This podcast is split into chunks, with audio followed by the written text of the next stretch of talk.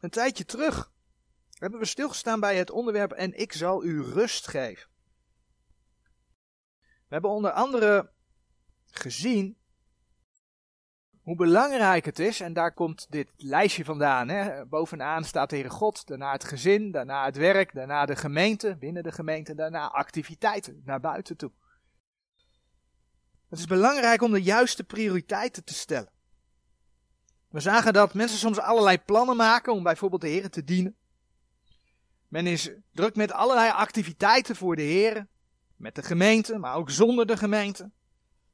En ja, je kunt ook met allerlei dingen voor jezelf druk zijn, maar we hebben het, uh, om dan zomaar te zeggen, van de positieve kant bekijken. Je bent druk voor de Heer. En dan zou je in eerste instantie denken, nou dat is hartstikke goed. Zo druk voor de Heer. Maar als je dat doet, zonder dat je je in eerste instantie voedt met het woord van God, zonder dat je een gezond gebedsleven hebt, dan is dat eigenlijk helemaal niet goed. Want je vult je leven met druk zijn, met allerlei vormen van druk zijn. En je komt nooit toe aan rust.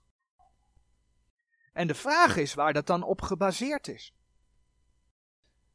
En toen zagen we dus dat het van belang is om eerst rust te nemen. Rust te nemen om Gods woord te lezen. Rust te nemen om te bidden. Omdat je dan ook in de rust komt die de Heer je wil geven. En vanuit die rust kun je dan gaan wandelen. Maar de juiste prioriteiten stellen, dat leidt niet alleen tot rust, die de Heer geeft. Als je de juiste prioriteiten gaat stellen, dan behoed je dat ook voor gevaar. Het beschermt je. En daar willen we vanmorgen bij stilstaan. En we willen dat doen aan de hand van de geschiedenis de list der Gibeonieten. En dat vinden we in Jozua 9, vers 1 tot en met 15.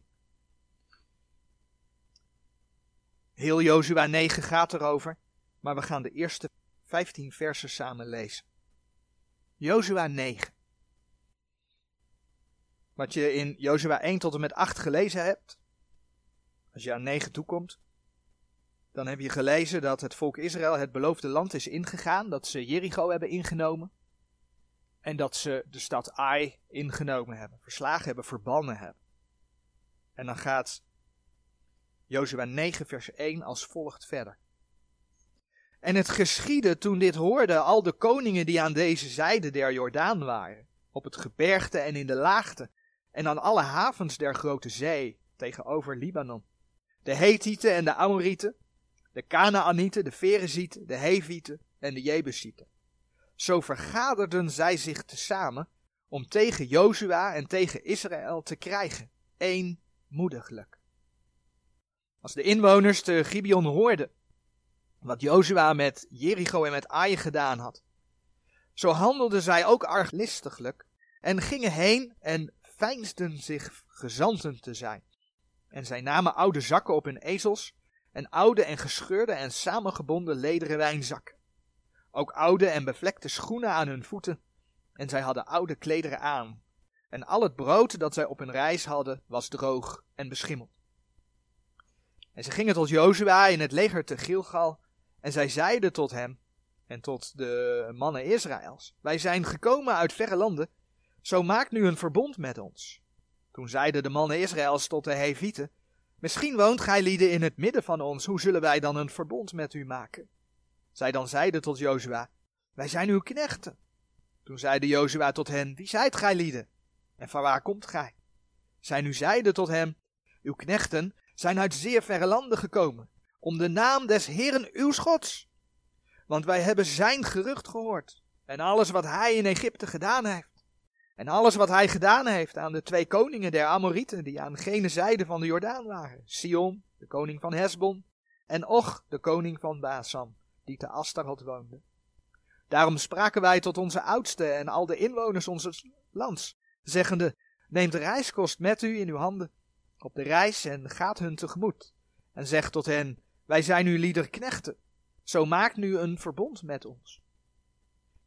Dit ons brood hebben wij warm tot onze teerkost uit onze huizen genomen ten dagen toen wij uittogen om tot uw lieden te reizen. Maar zie, nu is het droog en het is beschimmeld. En deze lederen wijnzakken die wij gevuld hebben, waren nieuw. Maar zie, zij zijn gescheurd en deze onze klederen en onze schoenen zijn oud geworden, vanwege deze zeer lange reis. Toen namen de mannen van hun reiskost en zij vraagden het de mond des Heren niet. En Jozua maakte vrede met hen. En hij maakte een verbond met hen. Dat hij hen bij het leven behouden zou. En de overste der vergadering zwoeren hun. Tot zover het schriftgedeelte. Israël had een opdracht en Israël had een belofte. En die beide waren heel duidelijk. Dat gaan we zo lezen. Ze moesten het beloofde land Canaan veroveren en de volken totaal verbannen. Het doel daarvan was dat zij zich niet zouden vermengen met de volken. En zich niet van de heren zouden laten aftrekken om vervolgens de afgoden van die volken te gaan dienen. Nou, een voorbeeld daarvan vind je in Exodus 23. We komen iedere keer bij Jozua terug. Dus misschien dat je daar je hand kunt houden. Maar in Exodus 23, vers 31 tot en met 33. Exodus 23, vers 31 tot en met 33. Lezen we welke opdracht ze hadden. En ik zal uw landpalen, dat is uw grenzen, zetten van de zee Suf tot aan de zee der Filistijnen. En van de woestijn tot aan de rivier. Want ik zal de inwoners van dat land in uw liederhand geven, dat gij hen voor uw aangezicht uitstoot. Gij zult met hen, nog met hun goden, een verbond maken. Zij zullen in uw land niet wonen, opdat zij u tegen mij niet doen zondigen. Indien gij hun goden dient, het zal u voorzeker tot een valstrik zijn. Nou, eenzelfde soort schriftgedeelte kun je vinden in Deuteronomium 7, vers 1 tot en met 5. Dus die opdracht was heel duidelijk. Ze moesten het land innemen en ze mochten de Canaanieten niet onder zich laten wonen. Andere teksten spreken over dat de volken verbannen moesten worden. Die opdracht was duidelijk. Maar even duidelijk was de belofte die de Heere God deed, dat als zij zich aan die woorden van de Heere God zouden houden, dat de Heere God hen zou helpen. En daarom bladeren we naar Jozua 1. Gaan we een voorbeeld van lezen. Toen onder Jozua het land ingenomen ging worden. Toen zei de Heere tegen Jozua en tegen het volk, hetgeen we bijvoorbeeld lezen in Jozua 1 vanaf vers 3. Jozua 1 vanaf vers 3. Alle plaats waarop uw lieden voedsel treden zal, heb ik u gegeven, gelijk als ik tot Mozes gesproken heb. Van de woestijn en deze Libanon af, tot aan de grote rivier, de rivier Fraat, het ganse land der Hethieten, en tot aan de grote zee, tegen de ondergang der zon, zal uw lieder landspalen zijn. Niemand zal voor uw aangezicht bestaan, al de dagen uws levens.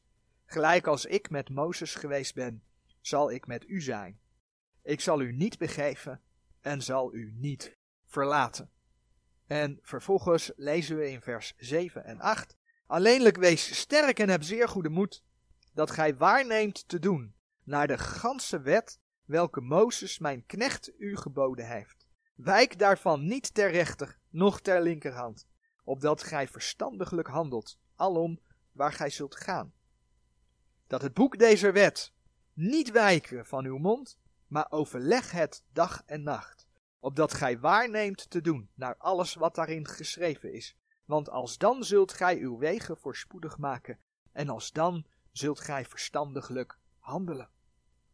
Ook die belofte is duidelijk. Maar zien we overigens wat de Heer als advies gaf om zijn woorden ten uitvoer te kunnen brengen. Dat het boek deze wet niet wijken van uw mond, maar overleg het dag en nacht. Dat was vers 8. Overleg het dag en nacht, opdat gij waarneemt te doen alles wat daarin geschreven is. Overleg het dag en nacht. Dat zei de Heer. En als ze dat deden, dan zouden hun wegen voorspoedig zijn. Maar de vraag is, deden ze dat ook? reeds voor Jozua, lezen we over de inname en de verbanning van de koninkrijken van bijvoorbeeld Sion en Och. Je kunt dat bijvoorbeeld vinden in nummer 21, vers 21 tot en met 35. In het begin van Jozua lees je over de inname en de verbanning van de steden Jericho en Ai. Je leest dat eh, in Jozua 6 en Jozua 8. En dan gebeurt dus hetgeen we in Jozua 9 gelezen hebben. De Gibeonieten, niet de Gideonieten, maar de Gibeonieten, waren bang dat hen hetzelfde zou overkomen als Jericho en Ai. Dat lees je in vers 3 van Jozua 9, in vers 4 en in vers 24. En ze bedachten een list, waardoor ze weliswaar dienstknechten werden van Israël, maar ze redden daarmee hun leven. Kijk maar in vers 26 en 27 van Jozua 9. Nou, in deze fase van de geschiedenis wilde Israël nog strijden voor de Heer. Ze wilden het woord van God nog uitvoeren. Maar hier werd wel de kiem gelegd voor het feit dat het volk iets later nagenoeg niet meer streed voor de Heer. Dat er een vermenging ontstond van de volken en dat Israël de afgoden ging dienen. Als we in Richter 1 vers 21 tot en met 36 lezen, kijken, dan kun je daar lezen over het feit dat de meeste stammen, de Kanaanieten, ja, gewoon onder zich lieten leven. En dan lees je ook nog in Jozua 1 vers 7 dat de Israëlieten, terwijl Jozua leefde en de oudsten die de inname van het beloofde land hadden meegemaakt, dat die nog leefden, dat ze toen inderdaad de Here dienden. Maar toen Jozua en die oudsten overleden waren, verviel het volk tot afgoderij. Precies zoals de Heer voorzegd had. In Richteren 2, vers 11 en 12, daar lees je bijvoorbeeld. Toen deden de kinderen Israëls wat kwaad was in de ogen des Heren, en zij dienden de Baals. En zij verlieten de Heere hun vaderen God, die hen uit Egypteland had uitgevoerd, en volgden andere goden na, van de goden der volken die rondom hen waren, en bogen zich voor die. En zij verwekten de Heere tot toren. Zover kwam het, omdat zij zich niet hielden aan de woorden van God. Maar de kiem daarvoor was gelegd onder Joshua. En alhoewel Jozua een groot leider was, een groot voorbeeld is in de Bijbel, door de Here gezegend was, zien we dat ook Jozua fouten maakt. En van die fouten mogen wij leren. Dus laten we eens kijken wat er fout ging toen de Gibeonieten hun list ten uitvoer brachten. En dan gaan we dus kijken naar ja, wat daar in Jozua 9 geschreven staat. En dan wil ik toch beginnen bij Jozua 9, vers 1 en 2, want het gaat niet zozeer over de list van de Gibeonieten. In Jozua 9, vers 1 en 2, daar lees je, nogmaals, en het geschiedde toen dit hoorden al de koningen die aan deze zijde der Jordaan waren, op het gebergte, in de laagte en alle havens der grote zee tegenover Libanon, de Hethieten en de Amorieten, de Canaanieten, de Ferezieten, de Hevieten en de Jebusieten, zo vergaderden zij zich tezamen om tegen Jozua en tegen Israël te krijgen. Eenmoediglijk. Canaan was niet één groot koninkrijk. Het bestond uit verschillende steden en nagenoeg elke stad had zijn eigen koning. Dus het waren allemaal koninkrijkjes. Ja, zoals met alle koninkrijken zal daar geregeld ook strijd tussen geweest zijn.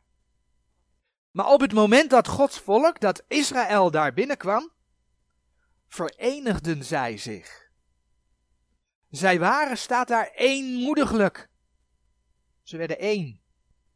Zo staat er bijvoorbeeld in Lucas 23, vers 11 en 12 van uh, Herodes en Pilatus geschreven, is een stukje uit de lijdensgeschiedenis van de Heer Jezus, dat Herodes en Pilatus altijd vijanden geweest waren op het moment dat dat speelde, dat uh, Pilatus de heer Jezus naar Herodes stuurde en Herodes de heer Jezus weer terugzond naar Pilatus, dat die twee over de veroordeling van de heer Jezus, dat ze vrienden werden. Op dat moment werden zij vrienden. En zo zie je hoe de wereld zich verenigt tegen de waarheid van de Heere God. En dat zie je ook vandaag de dag gebeuren. Binnen de wereld, binnen de religies een valse eenheid. Ecumene, ook een valse eenheid binnen het christendom, hè, om het maar zo te zeggen. En het heeft allemaal te maken met het feit dat de wereld op weg is naar een antichristelijk rijk. Een antichristelijk rijk waarvan we weten, hè, openbaring 17 vers 1 en vers 5, dat die grote hoer, de moeder der hoerij en der gruwelen der aarde, verborgenheid, het grote Babylon, Rome, dat daar een grote rol in gaat spelen, beter gezegd. Die heeft haar rol al wel op zich genomen. Die speelt zo. Onlangs, dit plaatje is van niet zo lang geleden, is vorige maand, september, is er in Kazachstan het zevende congres van leiders van wereld- en traditionele religies gehouden. En op dat congres is men bezig, onder leiding van uh, die meneer van uh, met die witte jurk. Nou, er zijn er meer die daar een witte jurk aan hebben. Nou, hier, hier. En ik zie daar ook nog wat wits, maar in ieder geval uh, de paus. Men is daar bezig met het, en ik heb het maar vertaald, het menselijk broederschapsdocument. In de verklaring die men heeft afgegeven zegt men met krachtige bewoordingen het extremisme, radicalisme en terrorisme te veroordelen die leiden tot religieuze vervolging en de ondermijning van het menselijk leven en de menselijke waardigheid. Wat een woorden, hè? Wat een woorden. Maar wie was en is er nu verantwoordelijk voor miljoenen, zo niet miljarden doden die er gevallen zijn in de geschiedenis en die er nog steeds vallen? Dat zijn toch juist die mensen in de jurken. Dat zijn die mensen in de jurken die graag uh, hun kerkstaat willen oprichten. En omdat ze hun kerkstaat willen oprichten, doden ze alles wat niet op hun pad past. Zo is het in de geschiedenis gegaan. Zo gaat het vandaag de dag nog. En zij gaan hoe waren de woorden ook alweer? Met krachtige bewoordingen het extremisme, radicalisme en terrorisme te veroordelen, die leiden tot religieuze vervolging en ondermijning van menselijk leven en menselijke waardigheid. Wauw.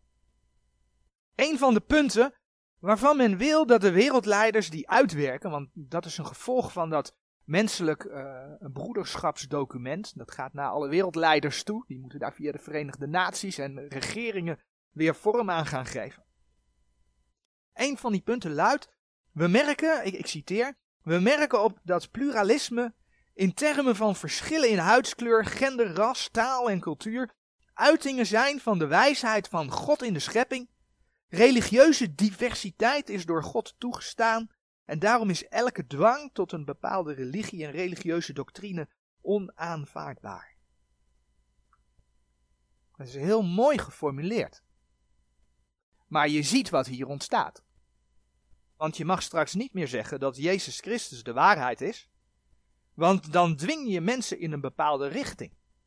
Althans, in de ogen van deze leiders. Maar niets is minder waar. Ik bedoel, als wij op straat staan dan verkondigen wij het evangelie. Niemand komt tot de Vader dan door Jezus Christus. Dat is de boodschap. Maar iedereen is vrij om door te lopen. Niemand hoeft dat aan te nemen. Ja, weet je, het zou fijn zijn als ze dat deden. Daar staan we ervoor. Maar niemand is verplicht om dat aan te nemen. Ze mogen het verwerpen. Want ieder mens heeft een vrije wil.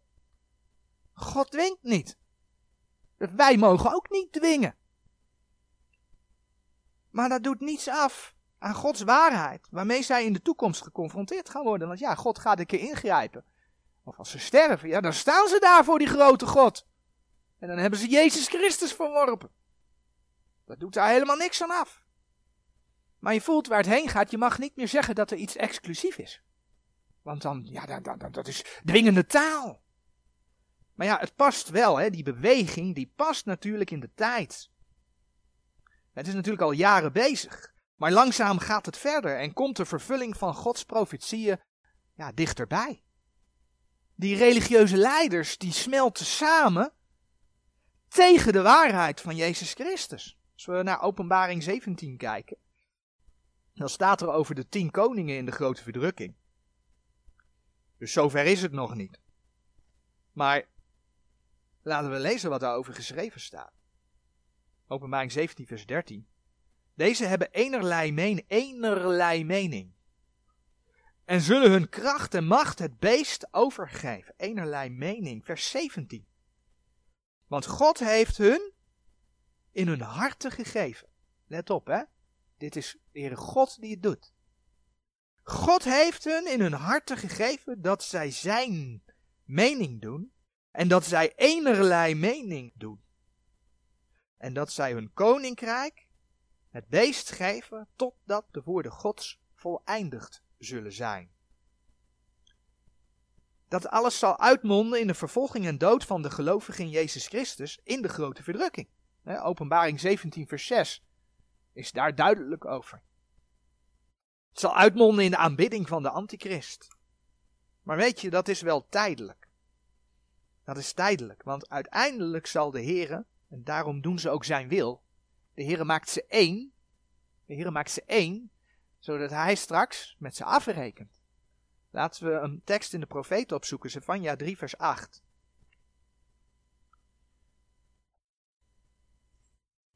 Zefania 3 vers 8. Daarom verwacht mij, spreekt de Heere, ten dagen als ik mij opmaak tot de roof. Want mijn oordeel is de heidenen te verzamelen, de koninkrijken te vergaderen, om over hen mijn gramschap, de ganse hittigheid mijn storens uit te storten, want dit ganse land zal door het vuur van mijn ijver verteerd worden. Dat we de leiders van de wereld in deze dag, of dat nou de politieke leiders zijn, of dat nou de religieuze leiders zijn waar we het net over hadden, zo eensgezind zien handelen. Dat is hier een voorbereiding op. De Heer bereidt het voor. Maar de Heer zal overwinnen. Dat laat zijn woord zien. Tot zover Jozua 9, vers 1 en 2. En dan gaan we terug om te kijken wat er nu fout ging bij die list van de Gibeonieten. In Jozua 9, vers 4 tot en met 6, lees je over de opzet van hun plan om door middel van bedrog een verbond met Israël te sluiten.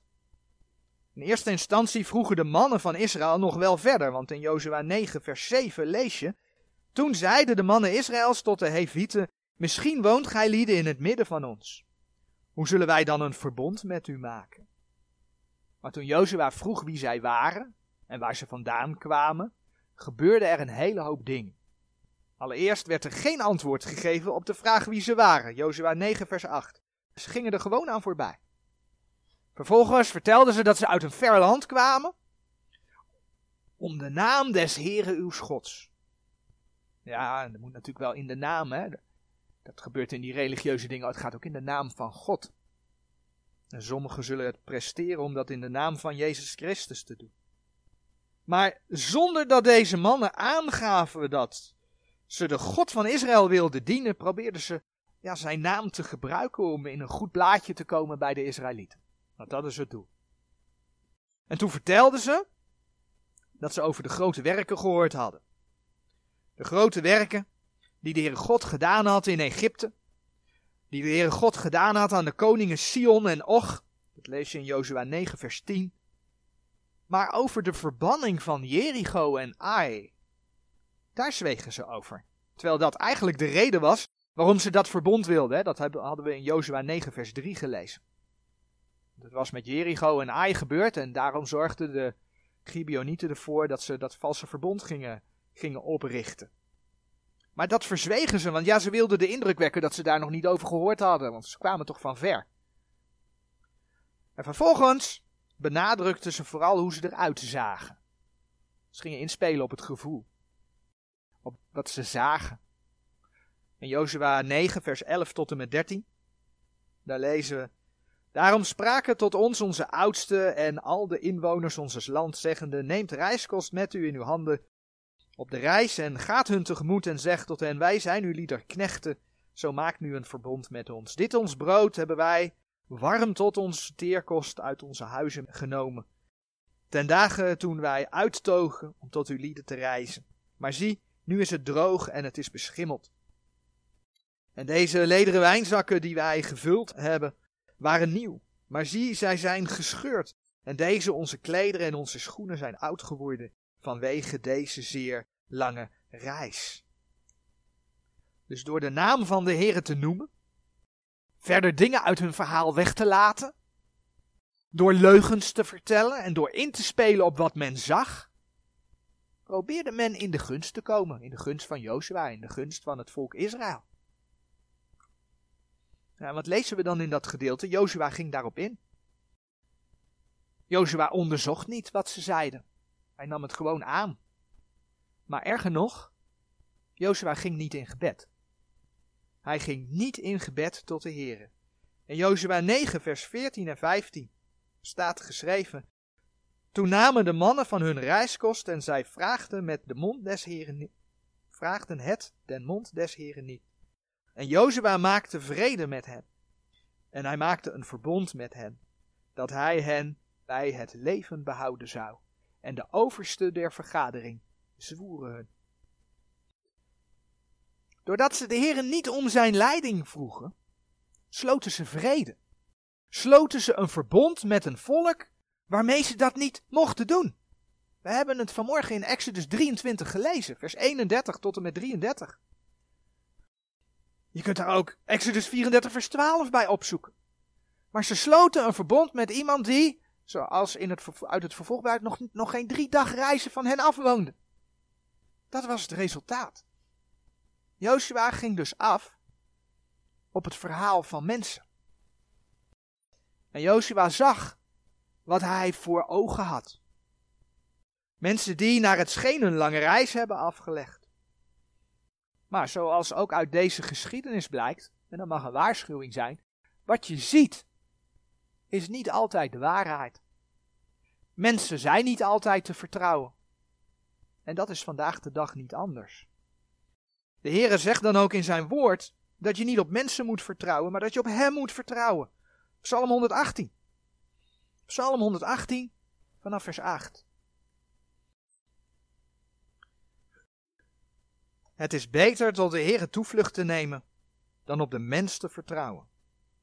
Het is beter tot de Heere toevlucht te nemen dan op prinsen te vertrouwen. Alle heidenen hadden mij omringd. Het is in de naam des Heeren dat ik hen verhouden heb. Je moet zelfs niet op jezelf vertrouwen. Al eerder maakte Jozua de fout om niet de Heere te raadplegen, om niet in gebed te gaan. Dat was bij de nederlaag voor Ai. Uiteindelijk hebben ze Ai ingenomen. Want door die nederlaag zijn ze wel gaan bidden. Toen bleek er zonde onder het volk te zijn. En toen dat opgelost was, gaf God Israël de overwinning. Maar Jozua stuurde in eerste instantie mannen om Ai te verspieden. Dat lees je in de eerste versen van Jozua 7. En de conclusie, Jozua 7 vers 3, was als volgt. Jozua 7 vers 3.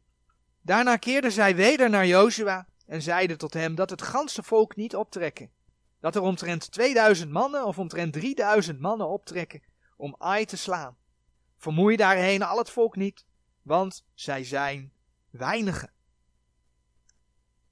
Zo gezegd, zo gedaan. En toen leden ze nederlaag in vers 5. Kun je dat lezen?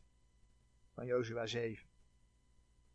Maar wat ze op dat moment niet wisten, was dat er een zonde in Israël gepleegd was. Kijk maar in vers 11 van Jozua 7. Ze vroegen de heren niet om raad. En ze vertrouwden op hun eigen inzicht. Ah, ze hadden natuurlijk wat meegemaakt, overwinning en zo. En toen zagen ze dat er minder mensen wonen, oh dat kunnen we wel even aan. En het gevolg was dat ze dus in eigen kracht gingen, want ze vroegen de heren niet. En zij zouden het wel eens even met een deel van het volk afhandelen. Hoogmoed. Hoogmoed. Spreuken 28, vers 26.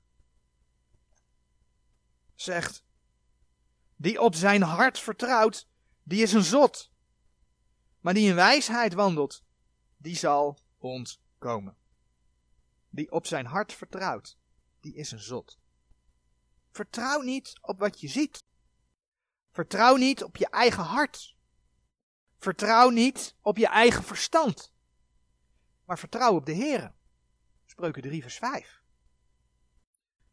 Of zoals uh, 2 Korinthe 5 vers 7 zegt.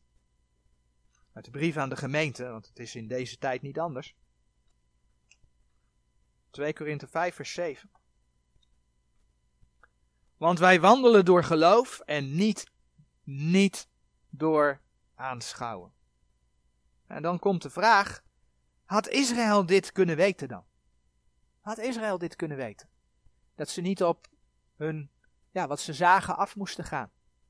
Want ik bedoel, uh, wij halen de psalmen even aan, we halen de spreuken aan, we pakken 2 Korinthe 5 vers 7 erbij. Nou, dat is allemaal uh, geschreven na de geschiedenis van de Gibeonieten. Had Israël dat kunnen weten? Ja, Israël had het kunnen weten. Want in de wet, en dan bladeren we naar nummer, nummer 15 vers 39, daar staat het volgende geschreven.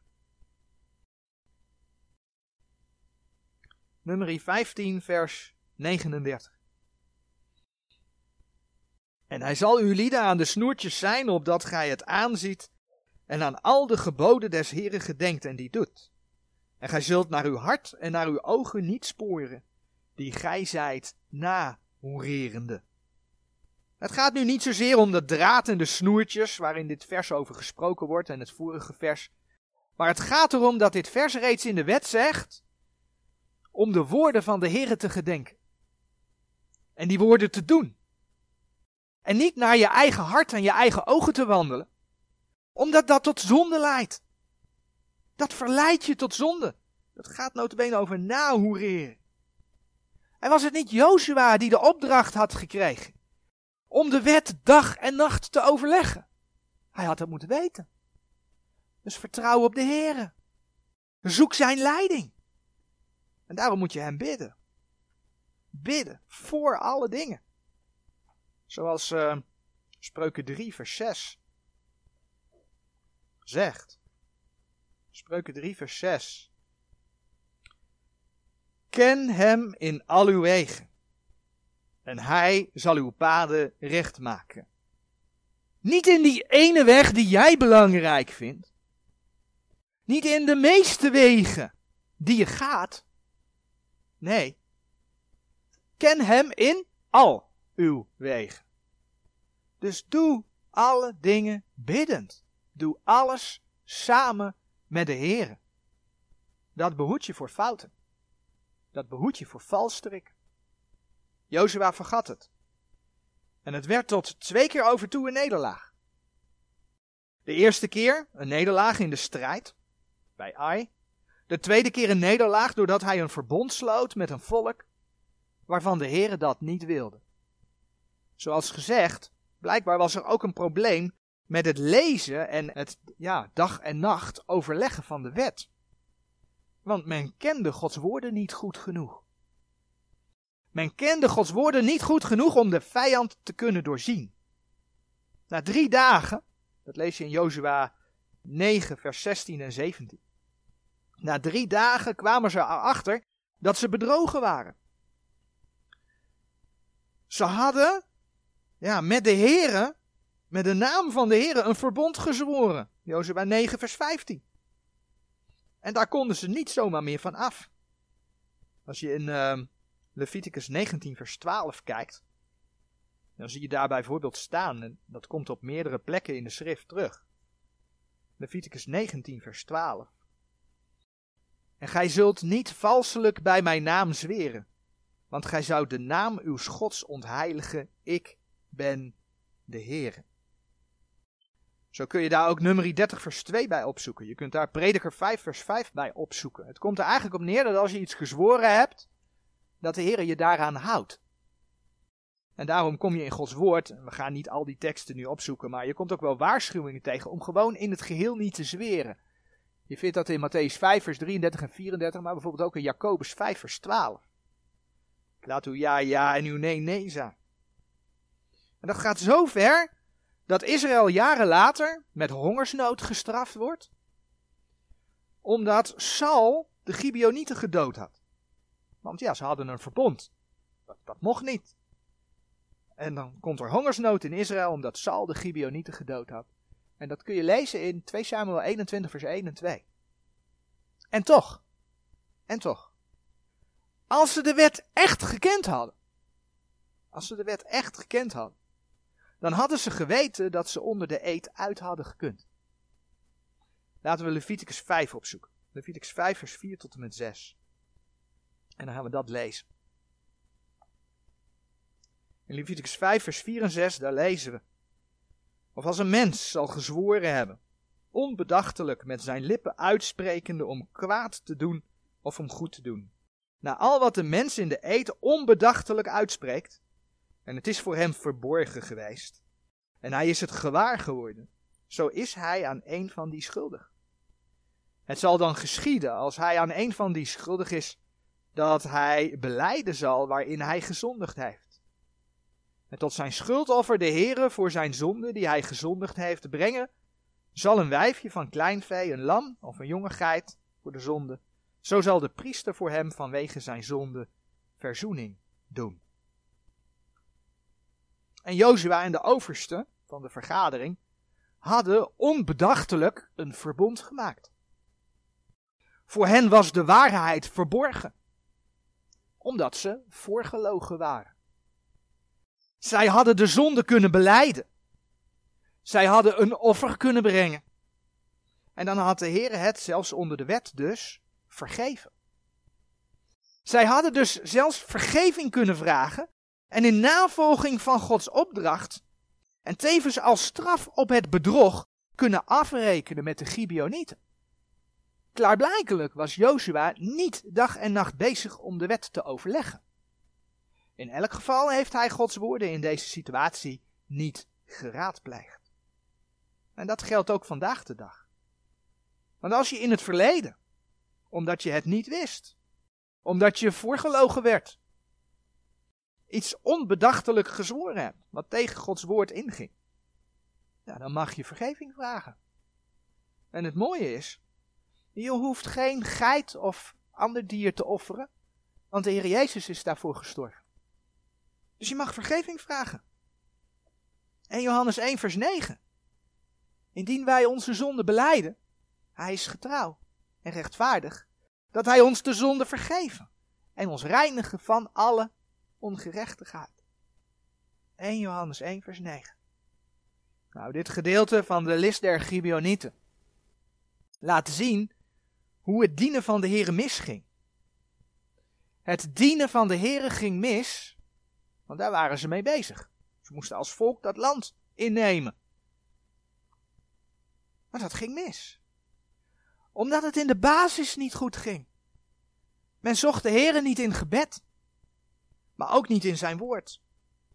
We kunnen nog veel meer over dit gedeelte zeggen. Over het feit dat Jozua, dat zie je in Jozua 9 vers 4, bezoek kreeg van valse gezanten. Mensen die het fijnsden. Nou, als gelovige ben je gezant van Christus, 2 Korinthe 5 vers 20. Maar de duivel heeft bedrieglijke arbeiders, zegt 2 Korinthe 11 vers 13, die net doen als apostelen van Christus zijn. Valse gezanten. Mensen die zich voordoen als echte arbeiders. En die zich in de vergadering dringen oneenigheid gaan kweken, met de gemeente vermengen. En vaak wordt dan de valse eenheid gebruikt, waardoor men een gemengde menigte bouwt. Dat zie je heel veel gebeuren in deze dagen. Een gemengde menigte. En een gemengde menigte die gaat zondigen en die afglijdt van het geloof. Dat is wat we vandaag de dag zo hard om ons heen zien gebeuren. Dat is de afval van het geloof. 2 Thessalonicense 2 vers 3. We gaan daar nu verder niet uitgebreid op in. Maar als je trouw bent in zijn woord. Als je trouw bent in het zijn woord tot je nemen. Als je trouw bent om hem in al uw wegen te kennen. Je te laten leiden door gebed. Dan zal de Heer je beschermen. Maar zien we hoe belangrijk het is om je stille tijd te houden. Zien we hoe belangrijk het is, want elke dag kom je voor situaties te staan, om je dagelijks te vullen met Gods woord. En dagelijks zijn aangezicht te zoeken. Sterker nog, de Heere zegt in uh, 1 Thessalonicense 5 vers 17, bid zonder ophouden. Als je overdag wat tegenkomt, bid ervoor. Dat kan gewoon in je gedachten. Zoek de Heere. Vraag hem leiding. In Handelingen 17 vers 11, daar laat de Heere zien dat de gelovigen te Berea de schrift dagelijks onderzocht. Dagelijks. En alhoewel je er de hele dag mee bezig mag zijn, maar wat praktisch gezien niet altijd kan, omdat je ook verplichtingen hebt. Dat is simpel. En de Heere vraagt ook dat je er voor je gezin bent. De Heere vraagt ook dat je je werk doet.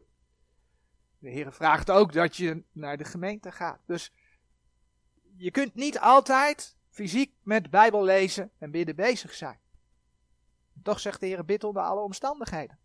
Want je kunt met alles wat je tegenkomt, kun je de Heere vragen. Op het moment dat er dingen gebeuren. En juist daarom, omdat je ook de verplichtingen hebt, is het goed om stille tijd te houden. Tijd te reserveren voor de Heer. Dat je alle rust hebt. Dat je niet denkt van, oh, ik moet over vijf minuten naar het werk. Oh, Heer, dank u wel dat u mij vandaag zegent. En oh ja, ik heb dat moeilijke dat en dat. Help mij. Dat je de tijd reserveert, dat je de tijd neemt om in rust zijn woord tot je te laten spreken. En om in rust met hem te spreken. Dagelijks, voor alle dingen. En als je het dan over dienen van de Heer hebt, dan lees je bijvoorbeeld in, in Galaten 1, vers 17 en 18, dat Paulus, voordat hij de Heer ging dienen, drie jaar in Arabië was. Drie jaar. Drie jaar om zich voor te bereiden.